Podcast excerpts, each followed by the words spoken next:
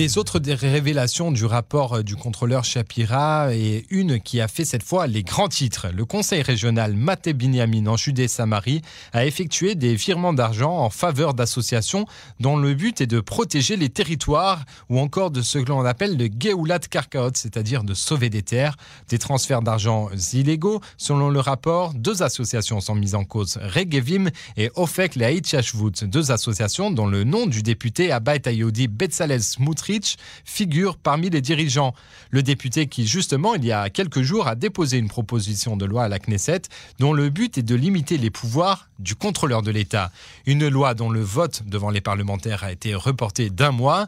Aujourd'hui, Betzalel Smutrich a indiqué qu'il n'y avait aucun lien entre les deux faits et que ceux qui pensaient le contraire étaient, je cite, des conspirationnistes. Alors pour bien comprendre le rôle, les pouvoirs, mais aussi les limites du contrôleur de l'État, nous sommes en ligne avec euh, Philippe Koskas. Euh, il est avocat au barreau de Tel Aviv. Bonsoir Philippe Koskas.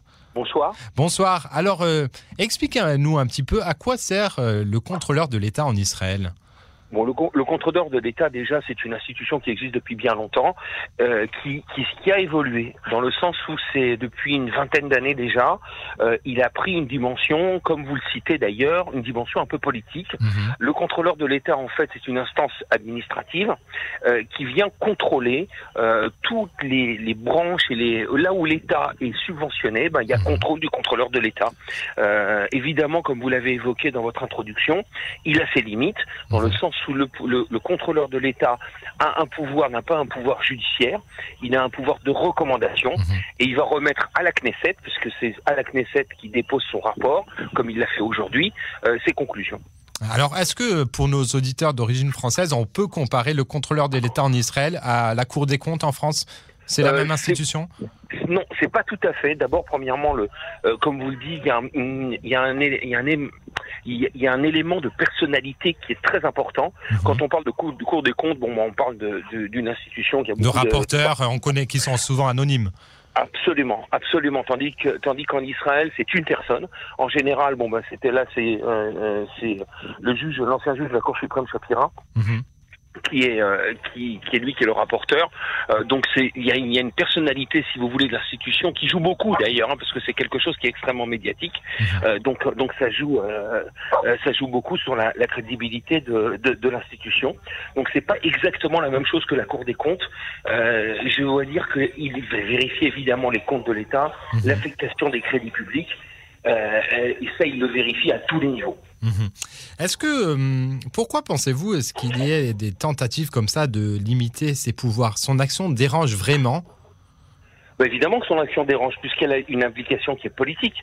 On sait, on sait, euh, on a vu qu'il était des, des, rapports de contrôleurs de l'État qui mettaient en cause euh, le Premier ministre, le ministre des Finances, les, les transferts de fonds. Donc évidemment que, étant donné que il a quand même un pouvoir non pas judiciaire comme je l'ai dit, mais un pouvoir médiatique. Alors évidemment, euh, euh, euh les, les, il dérange les politiques. Mmh, mmh, mmh. Absolument. Alors Philippe Koskas, je voudrais revenir aussi sur les effets de ces rapports. Là, en, l'occurrence, on parle du rapport sur les collectivités territoriales, mais il y en a évidemment bien d'autres tout au long de l'année. Euh, chaque année, donc, ce rapport sur les collectivités territoriales fait l'effet d'une bombe, on l'a dit. Mais est-ce que derrière, la justice suit? Est-ce qu'il y a des enquêtes qui sont ouvertes suite à ces révélations? Et est-ce que, le cas échéant, des condamnations sont prononcées euh, vis-à-vis des maires et des responsables euh, des collectivités territoriales Mais absolument. Le contrôleur de l'État peut décider s'il s'avère qu'il a découvert une infraction à caractère pénal, euh, déposer son rapport auprès de la police qui va commencer son, travail d'enquête. Donc c'est pas lui directement, si vous voulez, qui, déposer euh, des, inculpations, mais il, peut absolument euh, saisir les autorités compétentes qui sont la police et le procureur euh, s'il y a des doutes pénaux qui se sont révélés à ses yeux.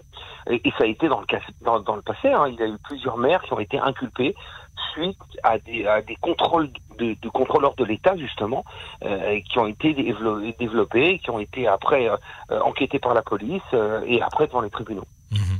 Alors le projet de loi déposé par, euh, par le député Smotrich, en fait, voudrait, si j'ai bien compris, en tout cas c'est assez complexe, euh, il voudrait en fait limiter le pouvoir euh, du contrôleur de l'État lorsqu'il est en fait, lorsque une, institution est encore en train de faire une action, c'est-à-dire en faire quelque chose de préventif.